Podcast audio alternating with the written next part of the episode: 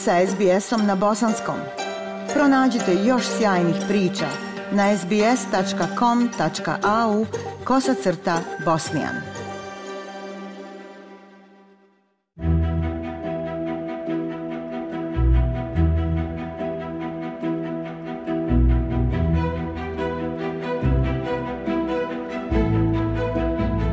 Slušate program SBS radija na bosanskom jeziku. Nova pametna tehnologija uskoro bi mogla biti primjenjivana širom Australije kako bi se poboljšala sigurnost na cestama. Uređaj bi radio na prenošenju trenutnih poruka vozačima u vozilima i izloženim učesnicima u saobraćaju kao što su pješaci i biciklisti. Ovo dolazi u momentu kada Australija i dalje svjedoči preko hiljadu smrtnih slučajeva na cestama godišnje. Prilog Katrione Stirat. Peter Fraser je 2012. izgubio kćerku. 23-godišnja Sara Fraser ubijena je kada ju je pokupio kamion pored njenog auta u kvaru. Australija i dalje svake godine bilježi oko hiljadu smrtnih slučajeva u saobraćajnim nesrećama. Sada nova pametna tehnologija nastoji poboljšati sigurnost na cestama širom zemlje. Gospodin Fraser je 2013. osnovao Sara Group, organizaciju za sigurnost na cestama, nazvanu po njegovoj kćeri. On kaže da pozdravlja sve nove sigurnosne mjere kada je u pitanju spriječavanje smrtnih slučajeva na putevima. Um, Sve što smanjuje te brojke je fantastično.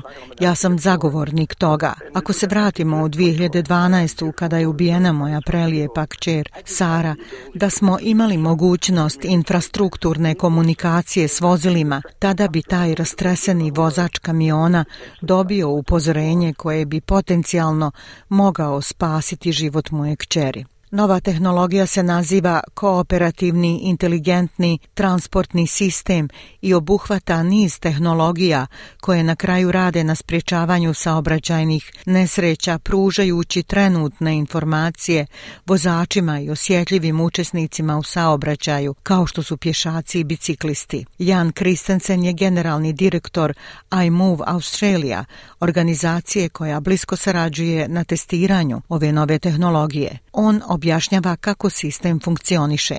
So the overall idea behind Dakle, opšta ideja koja stoji iza kooperativnih, inteligentnih, transportnih sistema je da se poboljša protok informacija do vozača i donosilaca odluka na putevima, što znači donošenje odluka u realnom vremenu. Dakle, u prvom slučaju, u najjednostavnijoj primjeni transportnog sistema, bilo bi da se informacije o opasnostima stave na raspolaganje vozačima. Sistem također ima potencijal da vozila prime signale i informacije, objašnjava gospodin Kristensen, omogućavajući vozačima da budu obavješteni o opasnostima koje bi inače bile nevidljive. It e, Ovaj sistem uh, ima potencijal da ponudi sigurnosne prednosti ranjivim učesnicima u saobraćaju, prednosti sigurnosti ili smanjenje stope nesreća za same vozače vozila, kao i potencijalno poboljšanu efikasnost raskrsnica ili produktivnost raskrsnica, što u konačnici dovodi do manjeg zaustavljanja i pokretanja i niže emisije stakleničkih plinova također. Tehnologiju je isprobalo 350 učesnika u periodu od 9 mjeseci u gradu Ipsviću. Ove sedmice Federalnom odjelu za transport dostavljen je konsultativni dokument, uključujući podneske javnosti, proizvođača automobila i drugih grupa iz autoindustrije. Pametna tehnologija koja se testirala uključivala je sisteme telefonskih poruka između vozila i semafora. Gospodin Kristensen kaže da je to bila i tehnologija testiranja koja omogućava vozačima da budu upozoreni na informacije o nadolazećim opasnostima. Učesnik u testiranju Andrew Morrison smatra da mu je uređaj pomogao da se bolje pripremi za opasnosti was more aware of them when the alerts popped up. Bio sam svjesniji opasnosti kada su se pojavila upozorenja. Najkorisnija stvar koju sam pronašao je da sam znao kolika je brzina u području u kojem vozite, jer sa svim različitim promjenama ograničenja brzine oko školskih područja, oko urbanih područja, korisno je znati koja su ograničenja koja će vam pomoći da ih se pridržavate. Drugi učesnik prijavio je Centru za istraživanje nesreća i sigurnosti na putu pri Univerzitetu Queensland da ga je ton upozorenja na crveno svjetlo spriječio da prođe kroz crveno kada je vozio umoran nakon radne smjene. Jan Kristensen kaže da su se informativna upozorenja pokazala uspješnim u usmjeravanju odgovora vozača. We Mogli smo vidjeti da li su vozači reagovali na upozorenja promjenom ponašanja, posebno smanjenjem brzine ili u kojim situacijama su vozači najviše reagovali. Sve ukupno smo otkrili da su u 20% slučajeva vozači pokazali trenutačno smanjenje brzine, što onda tumačimo kao smanjenje rizika od nesreće. Međutim, gospodin Fraser kaže da je važno ne zamijeniti društvenu i ličnu odgovornost i svijest tehnologijom. On je objasnio kako bi nedostatak policijskih snaga i drugi faktori, kao što su sistemi kamera od tačke do tačke, također uticali na poštivanje pravila. We do have to take that individual responsibility Moramo preuzeti tu ličnu odgovornost i informatički sistem. Kao što sam rekao, ja sam zagovornik toga, ali to neće zamijeniti donošenje odluka iza kojih će pojedinci morati stati. I zaista bi bila nevjerovatna reakcija kada bi ljudi govorili da će vozilo sada donijeti te odluke.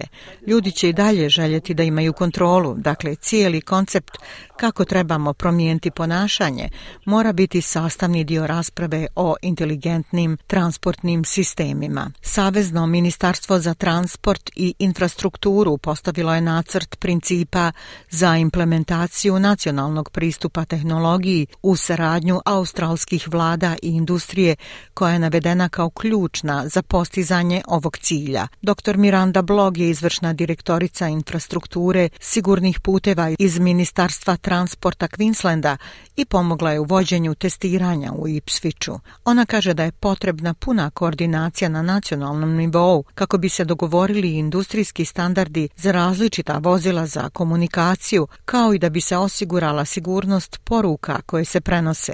Za implementaciju najisplativijeg i najsigurnijeg modela ove tehnologije bit će potrebno 2 do 4 godine, kaže dr. Blog. Nadamo se da ako budemo mogli izvesti više velikih prekograničnih pilot projekata, možda postoji šansa da se približimo kao vlada, ali industrija na kraju također mora donijeti odluke o tome koji proizvod želi da uđe na tržište u Australiji, a to u velikoj mjeri zavisi od toga da li će se složiti oko standarda, drugo da li imaju uspostavljene sisteme poput onih sigurnosnih sistema koje mogu koristiti i da imaju povjerenje da australske vlade idu baš tamo. Gospodin Christensen kaže da savezna vlada ima vodeću ulogu kada je u pitanju sigurnost na putu. Rekao bih da je uloga vlade Commonwealtha da ohrabri, izgradi dogovor među jurisdikcijama da bi svi imali pristup na nacionalno konzistentnim informacijama, porukama o opasnosti vozačima i vozilima. Gospodin Fraser ima poruku za sve Australce na putu.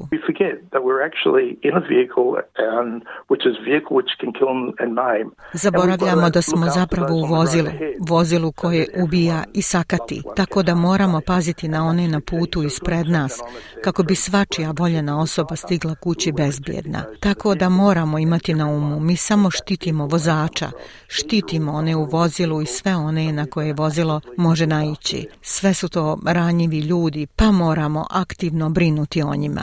On želi da Australci saznaju priču koja stoji iza žute trake koja će krasiti automobile i spomenike širom zemlje u maju, šireći svijest o spasonosnom potencijalu sigurnosti na cestama tokom nacionalne sedmice sigurnosti na cestama. When Sarah was killed, I tied a yellow ribbon onto our car aerial because that was her favorite color, nothing to do with road safety.